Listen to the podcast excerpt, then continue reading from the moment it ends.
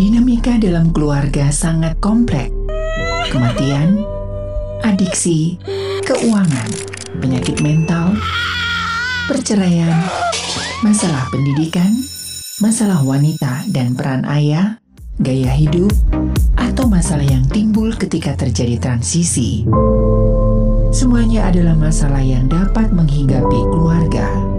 Berbagai masalah ini mungkin tak terselesaikan dengan baik. Hal ini akan berujung pada perselisihan, ketegangan, hingga kebencian antar anggota keluarga. Konflik keluarga dapat merusak masing-masing individu di dalamnya.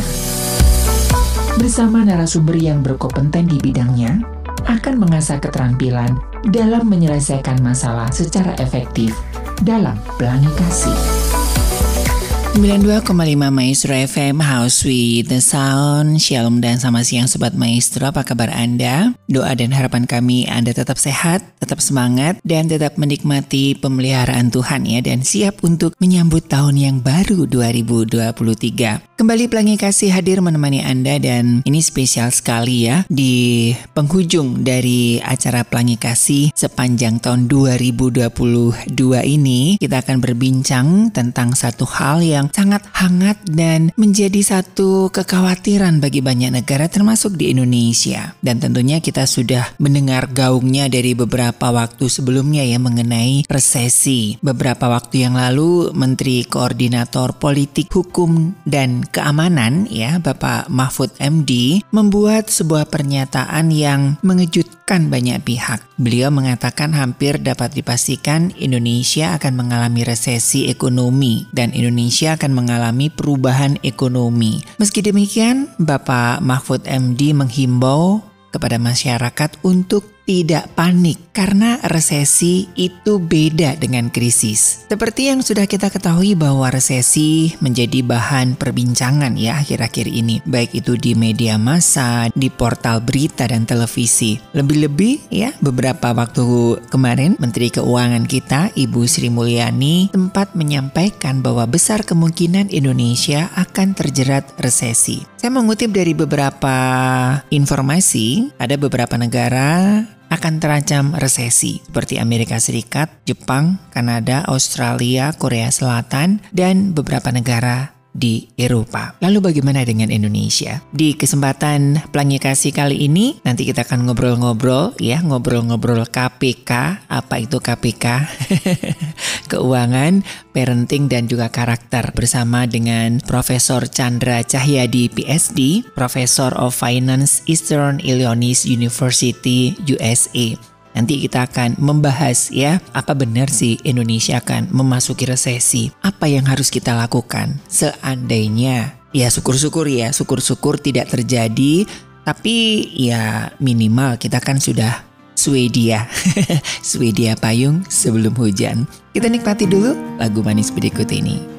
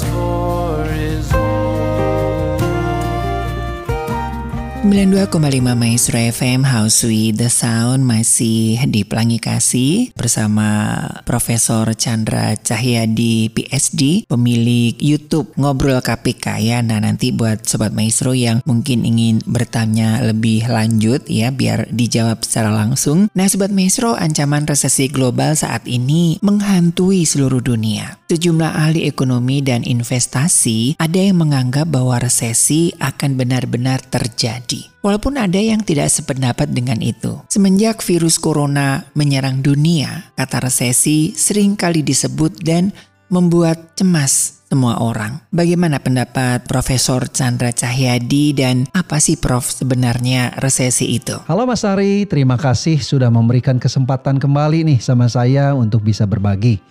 Halo teman-teman maestro di mana pun Anda berada, selamat datang di acara Ngobrol Santai bersama Ngobrol KPK.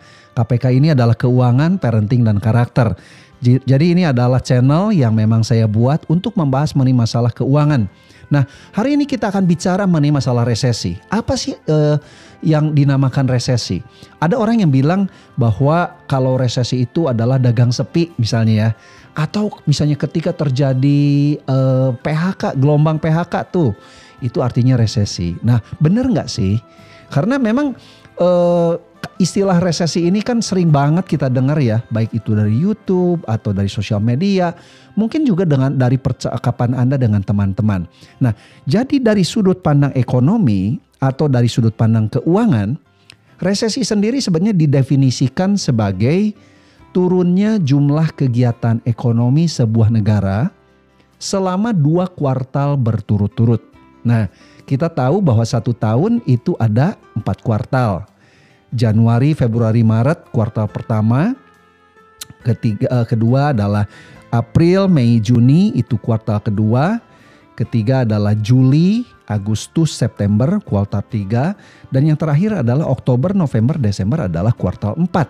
Nah, jadi di awal setiap kuartal pemerintah itu akan mengumpulkan informasi atau data mengenai jumlah kegiatan ekonomi di dalam sebuah negara di Indonesia ya. Nah, kalau ternyata jumlah ini misalnya kita bandingkan misalnya di awal kuartal pertama dengan eh, di awal kuartal kedua dan terjadi penurunan itu bisa kita katakan ada satu penurunan jumlah kegiatan ekonomi negara selama satu kuartal. Nah, kalau ini terjadi dua kali berturut-turut, dua kuartal berturut-turut, maka kita bisa berkata bahwa negara kita mengalami resesi. Ya, nah sekarang pertanyaannya adalah bagaimana kita mengukur jumlah kegiatan ekonomi sebuah negara. Nah, jadi ada satu istilah yang anda eh, anda harus tahu. Ini ada disebut dengan GDP, GDP ya. Nah, tapi dalam bahasa Inggris GDP ini adalah Gross Domestic Product. Jadi Gross Domestic Product adalah ada satu istilah yang memang eh, dipakai untuk mengukur jumlah kegiatan ekonomi sebuah negara selama satu periode tertentu. Nah dalam hal ini kita bicara fokus untuk satu kuartal atau tiga bulan. Nah jadi ada empat komponen dari GDP itu sendiri. Yang pertama adalah masalah eh, adalah faktor personal consumption. Itu adalah konsumsi individual ya.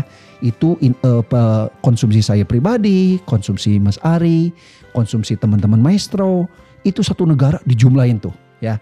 Nah, nanti di akhir di akhir satu periode dijumlahin berapa personal consumption untuk satu negara untuk satu kuartal. Nah, yang kedua itu adalah faktor business investment. Business investment ini adalah investasi yang dilakukan oleh pihak bisnis, ya.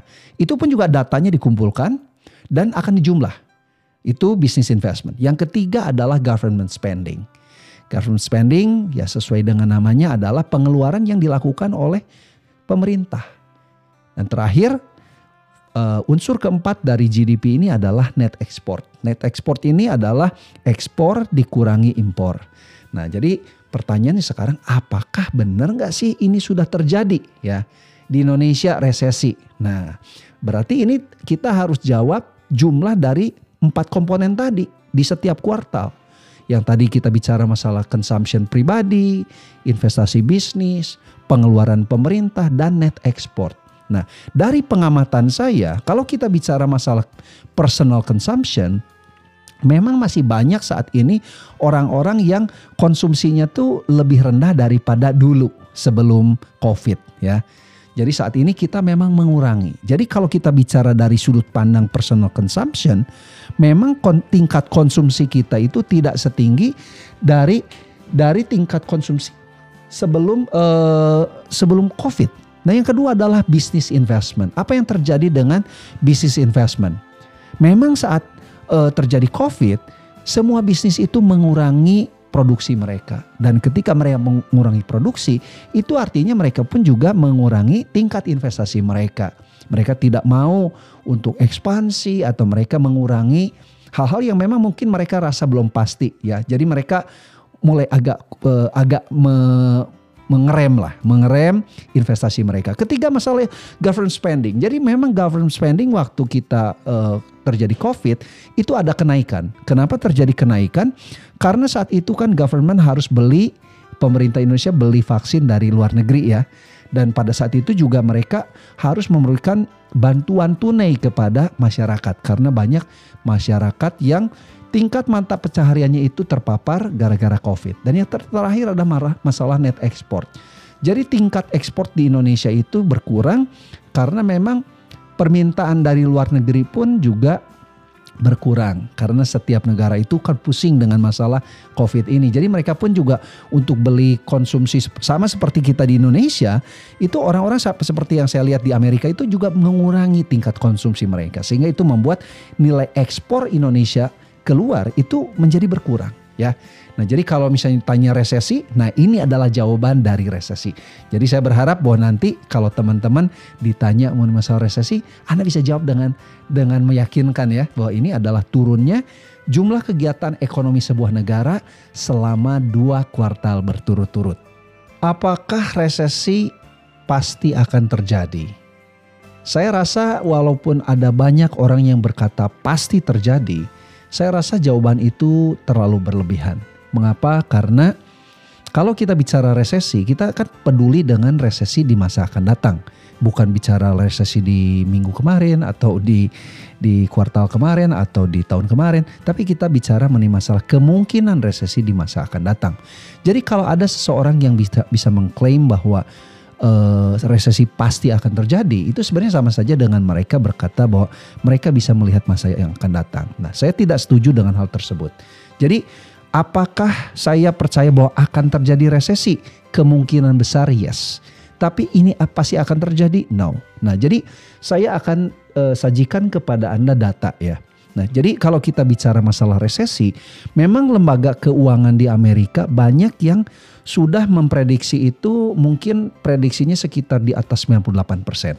Nah, tapi saya pribadi saya prediksi bahwa resesi ini akan terjadi itu mungkin sekitar 90%. Nah, pertanyaannya sekarang adalah mengapa prediksi saya ini probability-nya ya, kemungkinannya itu lebih rendah daripada eh, apa yang prediksi yang dilakukan oleh analis lain. Nah, karena saya melihat bahwa saat ini tuh ada tanda-tanda yang mulai uh, apa tanda-tanda positif yang mulai kita bisa lihat. Nah, yang pertama adalah masalah consumer price index. Ini adalah eh, tingkat kenaikan harga-harga barang dan jasa. Jadi kalau kita dilihat di Amerika itu selama tiga bulan terakhir saja ya, kalau kita bicara satu kuartal nih, itu di sekitar bulan September itu kenaikan eh, harga dari September 2022 dengan September 2021 itu 8,2 persen. 8,2 persen. Nah di bulan Oktobernya year on year-nya itu 7,8. Dan yang terakhir itu adalah hari ini adalah yang bulan November itu 7,1. Artinya apa? Jadi si tingkat inflasi ini sudah mulai menurun. Nah mungkin nggak bahwa uh, si angka inflasi ini sekarang sudah dalam uh, posisi terus menurun karena sudah lewat puncak ya. Nah ini dalam kondisi menurun mungkin. Nah, tapi juga ada kemungkinan ini bentuknya itu turun tapi nanti naik lagi. Nah, memang saya sendiri tidak setuju. Kenapa? Karena saya melihat bahwa pemerintah Amerika itu melakukan eh, kenaikan suku bunga secara agresif dan itu yang memang mendorong turunnya tingkat inflasi. Nah, memang ini data Amerika nih, data Amerika. Saya nggak tahu dengan data Indonesia. Nah, tapi saya melihat bahwa memang eh, data ini cukup representatif karena kebijakan ekonomi yang dilakukan di Amerika itu akan menentukan juga kebijakan ekonomi di negara-negara lain. Mengapa? Karena memang Amerika itu masih sampai saat ini suka nggak suka itu masih menjadi barometer lah kira-kira ya atau trendsetter. Jadi saya melihat bahwa eh, kondisi saat ini mulai membaik. Nah, juga yang harus kita lihat nanti dan amati itu adalah kebijakan moneter yang dilakukan oleh pemerintah apakah pemerintah akan terus menaikkan suku bunga secara agresif?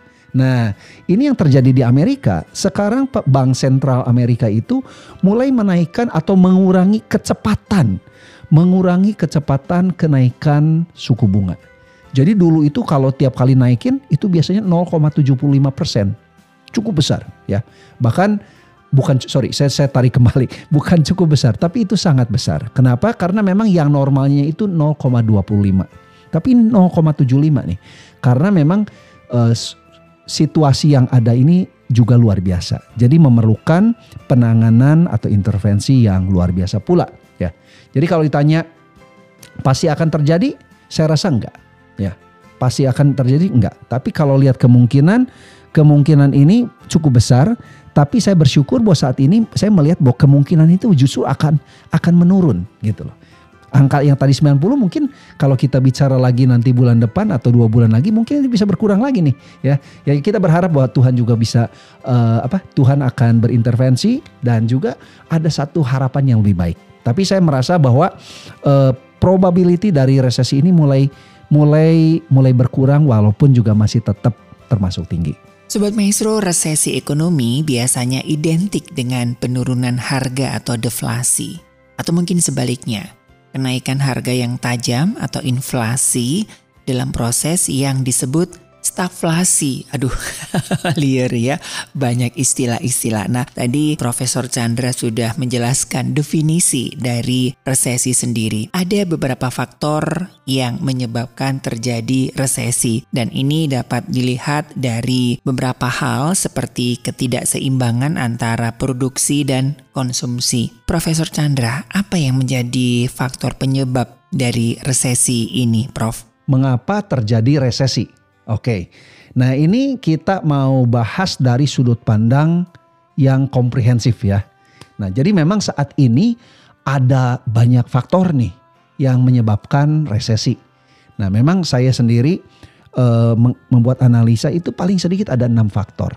Tapi sederhananya saya mau tanpa kita bahas terlalu detail, kita bahas dari sudut pandang masalah COVID-19. Karena memang ini adalah katalis dari terjadinya resesi nih. Nah, jadi kalau kita bicara corona, baik itu 2020, 2021 atau 2022, banyak orang yang terkena dampak dari penyakit ini, pandemik ini, sehingga pemerintah harus melakukan bantuan keuangan kepada masyarakat dan akhirnya pemerintah cetak uang.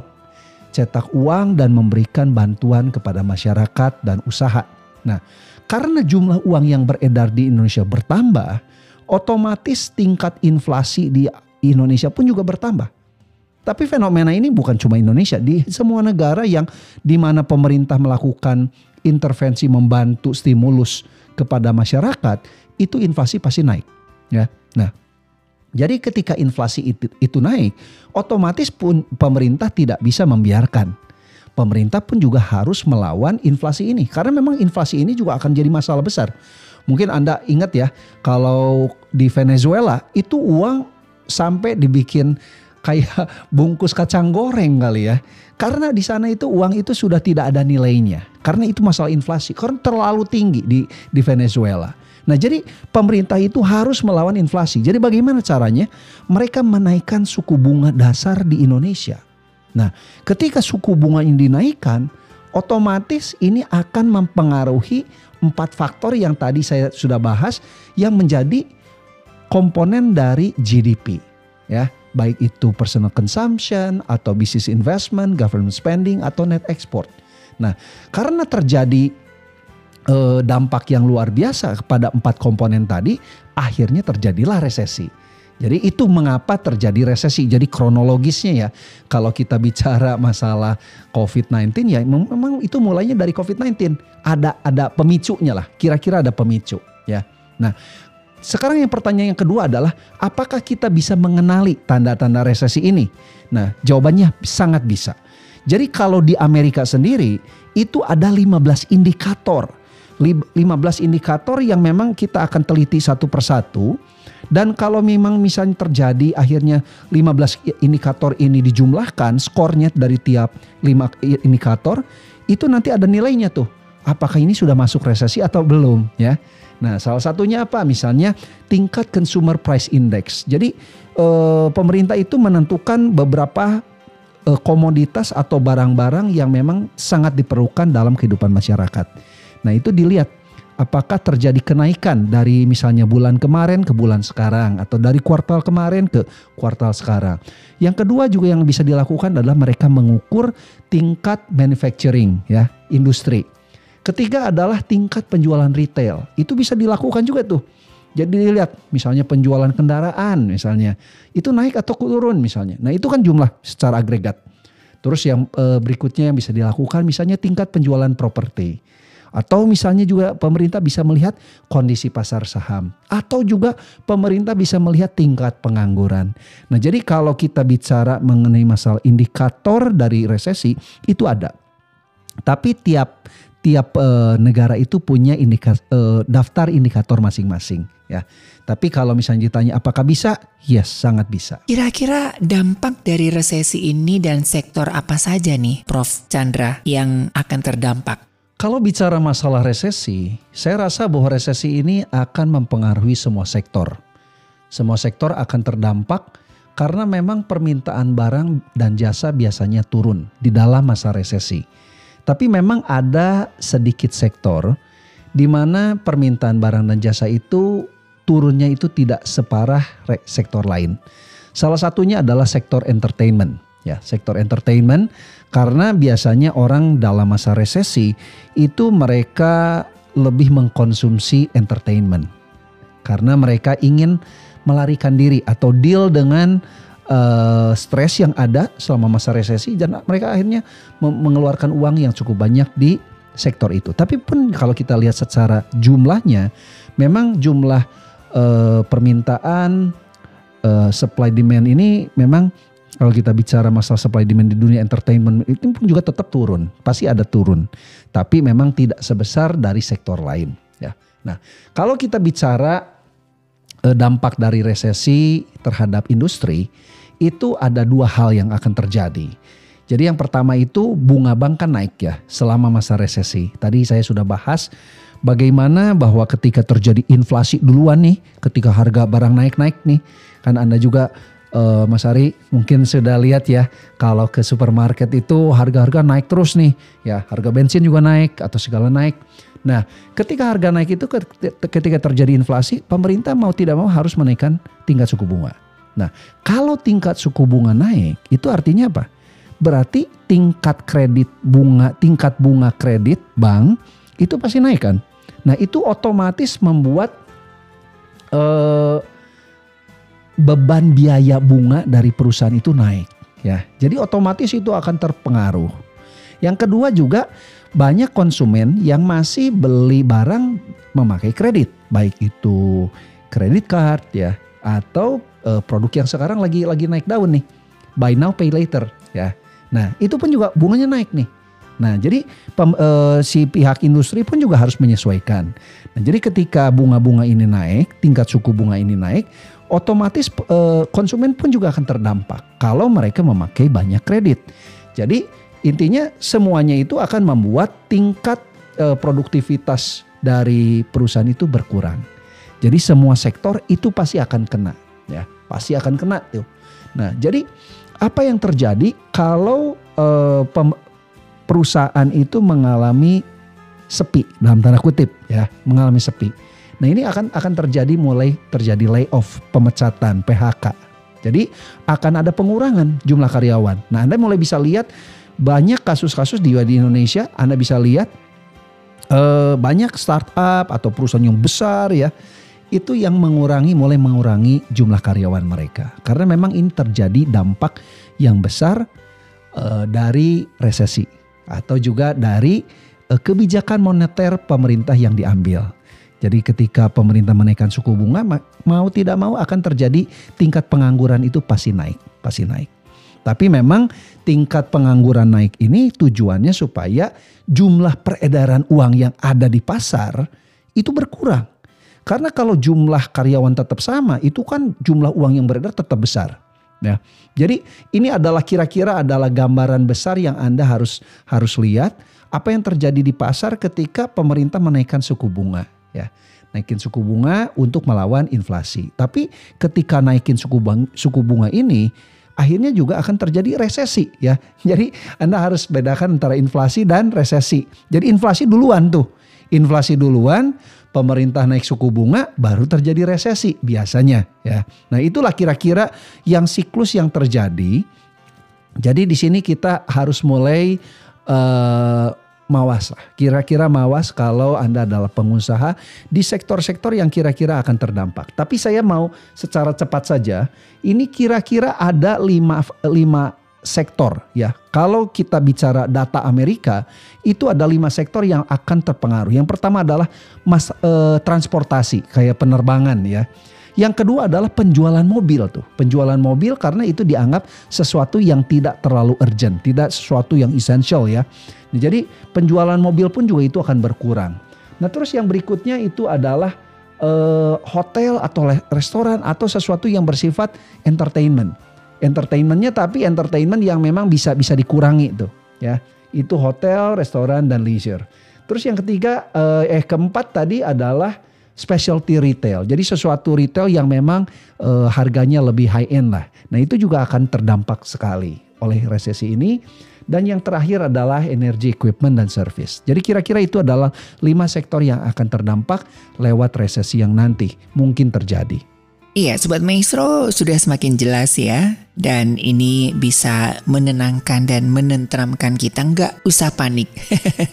nah, sebagaimana juga dengan Ibu Sri Mulyani begitu ya, Menteri Keuangan, ini sudah memberikan sinyal akan adanya kemungkinan resesi pada tahun 2023 nanti. Dan ini beliau kutip dari pernyataan Bank Dunia. Salah satu tanda akan terjadinya resesi yaitu banyak bank dunia yang telah menaikkan suku bunga bank. Hal ini tentu berdampak pada perekonomian negara tersebut. Ya, tadi sudah disampaikan ya oleh Prof Chandra sektor-sektor apa aja yang yang terdampak dan dampak-dampaknya seperti apa. Nah, tentunya tidak ada yang berharap resesi ini benar-benar terjadi. Tapi kalau misalkan terjadi ya Sobat Maestro, apa yang perlu dilakukan jika kondisi yang tidak diharapkan ini menjadi kenyataan? Nah, kira-kira apa yang harus dipersiapkan Prof. Chandra agar kita bisa resilient ataupun menghadapi krisis yang katanya akan terjadi di tahun 2023. Saya punya tiga, tiga tips praktis yang bisa Anda lakukan dalam menghadapi masa resesi. Yang pertama adalah saya ingin supaya Anda menjadi konsumen uh, konten online yang bijak. Jadi saya ingin supaya Anda belajar memilih dan memilah konten online yang bisa dipertanggungjawabkan, khususnya masalah konten yang berhubungan dengan masalah ekonomi dan keuangan. Saat ini begitu banyak konten-konten beredar di mana-mana ya, baik itu di YouTube atau social media, IG atau um, Anda mungkin juga dapat forwardan dari orang lain lewat lewat WA gitu setiap hari. Nah, saya ingin supaya Anda belajar menjadi uh, konsumen yang bijak. Selalu pertanyakan apakah orang yang membuat konten ini mempunyai motif ter, tersembunyi gitu loh. Apakah ada maksud di belakang dari uh, statement-statement yang dia buat ya. Karena misalnya kayak tadi nih ya Mas Ari, Anda mention bahwa ada orang-orang yang uh, bilang bahwa resesi nggak akan terjadi nih. Tanpa kita bicara benar atau enggaknya, Anda harus lihat apakah orang ini punya kepentingan tersembunyi enggak gitu loh. Nah, kalau memang misalnya oh mungkin ini dia lagi jualan sesuatu nih dan karena uh, dia lagi jualan sesuatu, makanya orang kalau sampai mengurangi spending ya orang nggak akan jual eh, apa orang nggak akan beli produk dia ya nah itu itu ada kemungkinan tuh jadi kita jangan terlalu naif untuk mengkonsumsi konten apa saja yang kita lihat. Jadi kita belajar menjadi konsumen yang bijak. Nah itu juga mengapa alasannya saya membuat channel YouTube uh, ngobrol KPK jadi anda bisa ke YouTube terus ketikan ngobrol KPK nah saya membuat tujuan saya membuat channel tersebut adalah karena saya merasa saya merasa concern, saya merasa prihatin ada banyak konten ekonomi dan keuangan yang kadang-kadang nggak jelas juntrungannya. Ya, nah jadi saya membuat channel tersebut untuk mengcounter berita-berita yang nggak jelas. Jadi karena saya memang nggak ada tunggangan tuh. Nah jadi saya membuat ini untuk membantu teman-teman untuk bisa kira-kira mendapatkan pengertian yang benar. Itu adalah tips yang pertama. Yang kedua, saya ingin supaya Anda mulai mengurangi belanja pakai kredit ya. Saya nggak bilang bahwa Anda nggak boleh belanja, bukan. Saya sekali lagi saya ulangi, kurangi berbelanja memakai kredit. Baik itu pakai kredit card atau pakai BNPL, buy, uh, buy now pay later ya. Ini kan sekarang lagi marak banget karena apa mudah banget kan pakai BNPL. Oh, nggak ada uang ya udah tinggal pakai BNPL. Nanti yang pusing pas lagi di akhir akhir bulan kan atau sama juga dengan ah, Anda gesek kartu kredit sana sini gitu ya. Itu nggak ada masalah, tapi akhir bulan tuh yang yang pusing ya atau suami Anda yang pusing. Nah, jadi saya ingin supaya Anda belajar mengurangi belanja pakai kredit. Karena apa? Karena kalau Anda mengurangi belanja pakai kredit, itu juga bijak secara pengelolaan keuangan pribadi. Mengapa? Karena ada penelitian yang menunjukkan bahwa ketika Anda berbelanja pakai kredit, itu efek psikologisnya itu tidak ada gitu loh. Tidak ada remnya. Tapi kalau Anda berbelanja pakai uang tunai, itu ada rem ada rem, ada efek psikologis yang begitu besar. Kenapa? Ketika Anda belanja pakai uang tunai, Anda kan terus melihat kan, isi dompet Anda tuh makin lama makin tipis gitu loh. Ya, uang yang ada itu kan makin berkurang kan. Nah, itu memberikan satu satu efek psikologis yang besar.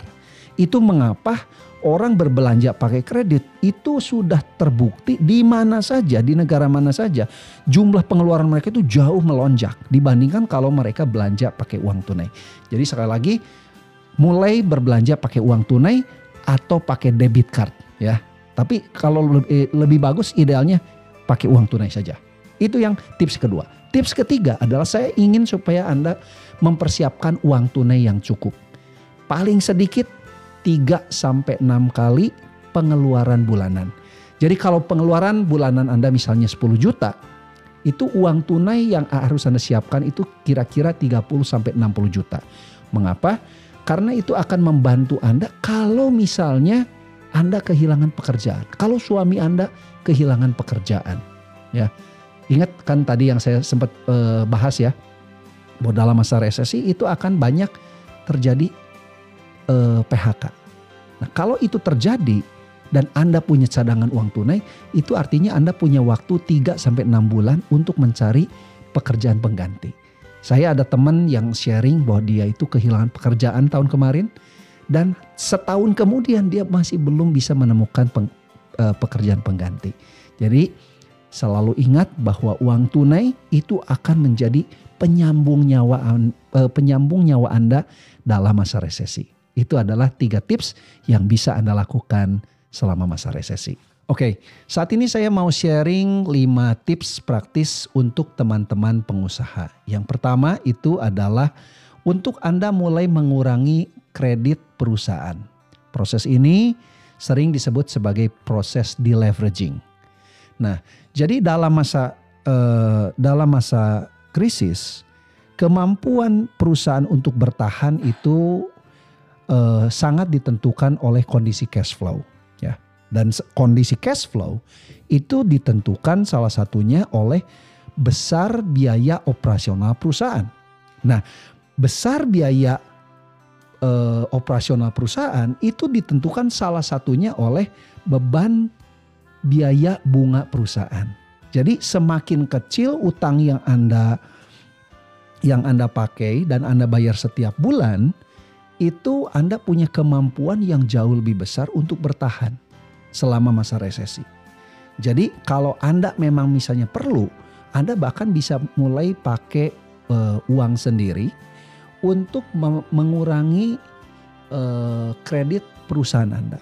Karena memang nanti di dalam masa krisis ini, masa resesi nanti, itu kita tidak tidak tahu kebijakan moneter apa yang akan diambil oleh pemerintah. Jadi eh, proses mengurangi tingkat kredit itu adalah satu tindakan yang sangat bijak yang perlu Anda pertimbangkan dengan baik ya. Itu yang pertama. Yang kedua adalah saya ingin supaya Anda mulai invest di dalam masalah teknologi. Karena masalah teknologi ini ini sangat mengurangi eh, kemungkinan untuk kita gagal usaha ya untuk untuk sampai jadi bangkrut. Karena teknologi ini sangat membantu dan juga mengurangi cost. Nah, memang eh, pemakaian teknologi, implementasi teknologi khususnya untuk teknologi-teknologi yang baru yang mungkin masih masih belum terlalu mainstream itu mungkin eh, mungkin mahal. Jadi saya tidak ngomong mengenai masalah pengadopsian adopsi teknologi yang super baru. Tapi saya mau bicara mengenai sesuatu yang cukup sesuatu yang mungkin selama ini sudah Anda tahu anda pertimbangkan tapi mungkin Anda ragu-ragu untuk mulai mengambil ya. Karena apa? Teknologi ini akan memudahkan dan mengurangi uh, biaya yang ada dari perusahaan yang tadi ya saya bilang di nomor satu kalau biaya perusahaan berkurang itu kemampuan anda untuk bertahan di dalam masa resesi itu menjadi jauh lebih baik. Yang ketiga saya ingin supaya anda memperkuat relationships dengan para stakeholders. Stakeholders ini ada ada ada beberapa macam. Yang pertama yang paling dekat dengan anda itu adalah para karyawan anda. Ya, justru di dalam masa resesi ini, ketika mereka juga mengalami e, masalah ekonomi, dalam keluarganya. Ketika Anda mempunyai hubungan yang lebih baik dengan karyawan Anda, justru Anda membangun loyalitas dari para karyawan. Ya, dan ini sering kali menjadi penentu di dalam e, kesuksesan sebuah perusahaan. Karena memang kualitas sebuah perusahaan itu sangat ditentukan oleh sumber daya manusia ya sama resources termasuk sumber daya manusia. Itu yang pertama, Anda bisa perkuat hubungan dengan karyawan. Yang kedua, saya ingin juga Anda mulai memperkuat hubungan dengan para supplier. Nah, para supplier ini pun juga nanti ketika Anda cycle-nya sudah keluar dari dari masa resesi, ini akan sangat strategis. Dan yang terakhir adalah memperkuat hubungan dengan para customer. Ini baik dengan Anda mulai lebih memperhatikan mereka atau memberikan kemudahan, tapi Anda belajar untuk lebih istilahnya lebih memperhatikan kebutuhan mereka ya memberikan value kepada mereka. Nah ini hal-hal yang sangat penting yang mungkin sering diabaikan oleh banyak orang, khususnya ketika orang ini uh, pengusaha ini sedang ada masalah keuangan. Karena yang penting ah udah, yang penting saya uh, make money ada atau profit. Sedangkan memperkuat hubungan ini menurut saya itu satu hal yang sangat penting. Ini ada satu cerita uh, teman saya di Bali, dia punya satu perusahaan furniture ketika terjadi bom Bali dulu itu semua eh, perusahaan-perusahaan kompetitornya itu justru kayak cut cost semua. Nah, cut cost tapi dia itu punya pikiran yang jauh lebih panjang ke depan dan akhirnya dia itu malah memperkuat hubungan dengan customer, dengan supplier dan juga dengan karyawan. Dan singkat cerita, setelah uh, industri di Bali itu kondisi di Bali itu pulih, itu perusahaan dia itu menjadi perusahaan nomor satu. Jadi kira-kira itu cerita singkatnya. Yang nomor empat itu saya ingin supaya Anda mulai melakukan diversifikasi produk. Kalau mungkin kalau selama ini Anda kurang memikirkan mengenai masalah pengembangan produk karena mungkin produk yang dulu Anda jual itu sudah cukup laku, mungkin ini adalah saat yang tepat untuk Anda mulai kembali melihat bisnis Anda dari kacamata yang lebih segar, kacamata dari seorang konsumen. Mungkin Anda juga bisa mem, e, mengajak beberapa teman atau orang-orang yang mungkin bisa Anda e, jadikan sebagai uh, apa ya sebagai penilai lah atau menjadi mata-mata yang segar untuk bisa menilai kualitas produk Anda atau mereka Anda bisa tanya sama mereka produk apa yang Anda butuhkan dari perusahaan saya gitu loh ya. Jadi ini satu hal yang penting yang mungkin selama selama ini Anda tunda tapi ini satu hal yang akan sangat bijak untuk Anda mulai pertimbangkan. Yang terakhir ini ada hubungan dengan nomor satu yaitu mengurangi utang yaitu Anda uh, sebaiknya menahan rencana ekspansi, menunda. Bukan membatalkan tapi menunda rencana ekspansi karena selama masa resesi itu akan menjadi masa yang tidak pasti dan lebih bijak untuk Anda mulai menahan diri jangan sampai ambisi Anda itu jauh lebih besar daripada logika dan akal sehat kita, akal sehat bisnis kita dan realita bisnis kita. Oke, itu adalah 5 tips yang Anda bisa lakukan. Profesor Chandra, Apakah memang bisa pulih dari resesi? Saya percaya bahwa kita pasti akan pulih dari resesi. Itu adalah kepastian. Ya. Tadi saya bilang bahwa apakah kita pasti akan resesi? Jawabannya tidak. Tapi kalau sampai terjadi resesi, apakah kita pu akan pulih dari resesi? Jawabannya pasti. Kenapa? Karena yang namanya resesi itu adalah lingkaran bisnis. Sama dengan kehidupan lingkaran kehidupan ada saatnya kita di bawah, ada saatnya kita naik kembali ke atas. Nah, jadi kalau saya melihat resesi ini adalah satu fenomena ekonomi yang akan terjadi atau bisa terjadi, tapi kalau sampai kita masuk dalam resesi ini, kita pasti akan kembali naik ke atas. Nah, tapi pertanyaan yang menurut saya jauh lebih relevan itu bukan bisakah kita pulih dari resesi, tapi berapa lama waktu yang dibutuhkan untuk kita bisa pulih dari resesi, ya. Jadi ini ada perbedaan yang sangat besar. Nah, mungkin saya kasih contoh. Di Amerika tahun 1970 itu terjadi resesi ekonomi. Jadi saat itu uh, kan terjadi krisis minyak ya di dunia dan di itu sangat uh, berdampak besar terhadap perekonomian di Amerika. Jadi saat itu kondisi ekonomi di, Amerika begitu sulit. Nah, tapi uh, saya melihat bahwa ternyata dalam sejarahnya banyak orang yang mungkin sudah lupa dengan resesi tahun 70-an. Kenapa? Karena memang kita sudah ada di posisi yang balik sebelum kita sebelum ngomong Covid ya. Itu dalam posisi yang sejahtera. Jadi kalau kita pasti akan pulih dari resesi, pasti pulih. Jadi kalau kita lihat sejarah di mana pun, di negara mana pun tidak ada resesi yang tidak pernah pulih. Tidak pernah ada.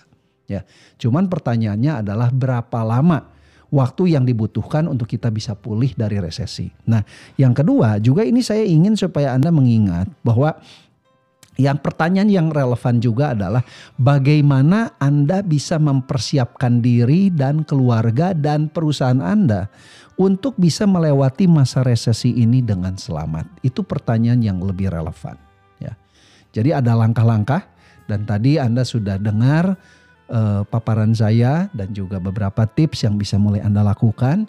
Jadi Anda harus mulai belajar berdisiplin dan mendisiplin diri untuk melakukan tips yang tadi bukan saja dalam kehidupan Anda pribadi dan keluarga, tapi juga di dalam perusahaan Anda. Karena nasihat yang diberikan kalau tidak dilakukan itu cuma jadi angin lalu saja. Jadi saya ingin supaya Anda mulai mendisiplin diri untuk mulai melakukan hal-hal yang tadi sudah dibagikan. Ya. Dan saya juga berharap supaya Anda pun juga jangan terlalu khawatir dengan masalah resesi ini. Kita boleh siap siaga, yes, tapi kalau kita sampai hidup di dalam ketakutan, itu pun juga tidak bijak. Karena hidup ini jauh lebih besar dari cuma sekedar masa resesi. Ya, jadi saya ingin supaya Anda belajar menyikapi kemungkinan resesi ini dengan dengan kepala yang jernih, dengan pikiran yang jernih, dan jangan sampai kita akhirnya terbawa emosi dan akhirnya kita melakukan kesalahan-kesalahan keuangan yang fatal. Ya, salah satu hal yang saya takutkan nih teman-teman, semua adalah masalah penipuan. Jadi dalam masa resesi nanti, kalau itu terjadi, saya percaya akan banyak sekali penipuan-penipuan dengan modus baik yang modus yang baru atau modus yang lama itu akan sangat bermunculan. Kenapa? Karena pada saat masa resesi itu terjadi, banyak orang yang akan stres, banyak orang yang akan bingung, banyak orang yang akan kalap, gitu kan? Nah, jadi akhirnya semua itu membuat satu kondisi yang sangat toksik, yang sangat beracun, yang membuat orang tuh akhirnya mengambil keputusan keuangan yang salah. Jadi pastikan supaya Anda untuk menghadapi masa ke depan itu punya orang-orang yang bisa dukung Anda, orang-orang yang bisa memberikan pendapat yang benar, ya. Bisa dikelilingi uh, Anda dengan orang kelilingi diri Anda dengan orang-orang yang peduli dan mengasihi Anda. Jangan cuma asal dengar dari orang yang nggak jelas. Apalagi kalau cuma dengar tadi yang saya juga bilang masalah konsumsi konten online itu sangat penting. Karena ketika kita mengkonsumsi konten-konten yang tidak jelas, itu akan membuat kita makin takut dan akhirnya kita akan mengambil keputusan-keputusan yang salah karena kita takut dan akhirnya kita kalap. Kita kalap, akhirnya kita melakukan kesalahan. Oke, jadi uh, itu kira-kira Mas Ari uh, paparan saya mengenai pertanyaan-pertanyaan seputar resesi. Jadi mungkin kalau ada teman-teman nanti yang uh, ada pertanyaan, silahkan kirim pertanyaannya kepada Mas Ari kali ya. Atau juga mungkin teman-teman kalau sudah uh, subscribe di channel YouTube Ngobrol KPK juga bisa bertanya di sana. Dan nanti saya coba akan cari waktu untuk bisa menjawab pertanyaan-pertanyaan yang masuk. Oke. Begitu dulu dan terima kasih untuk waktunya. Uh, salam uh, untuk Anda semua, salam sehat selalu untuk Anda dan keluarga. Oke, sampai jumpa di episode berikutnya. 92,5 Maestro FM House with the Sound. Ya, Sobat Maestro, sudah semakin tenang ya. Karena kita sudah mendapatkan informasi dan edukasi yang penting ya supaya kita tidak was-was dalam menghadapi resesi dunia yang diperkirakan terjadi tahun depan. Sekali lagi terima kasih buat Profesor Chandra Cahyadi PSD, Professor of Finance Eastern Illinois University, Amerika. Dan bagi Sobat Maestro mungkin yang ingin bertanya secara langsung ya, bisa nanti bisa kunjungi YouTube channelnya uh, Ngobrol KPK ya. Nanti ada Profesor Chandra Cahyadi langsung akan menjawab di kolom komentar Anda. Baik dari Gira Maestro Jalan Kaca Piring 12 Bandung, saya Ari dan juga Profesor Chandra Cahyadi PhD, Professor of Finance Eastern Illinois University Amerika, mengundurkan diri dari program Pelangi Kasih. Kita akan ketemu lagi di program Pelangi Kasih selanjutnya. Tetap jaga protokol kesehatan dan Tuhan memberkati.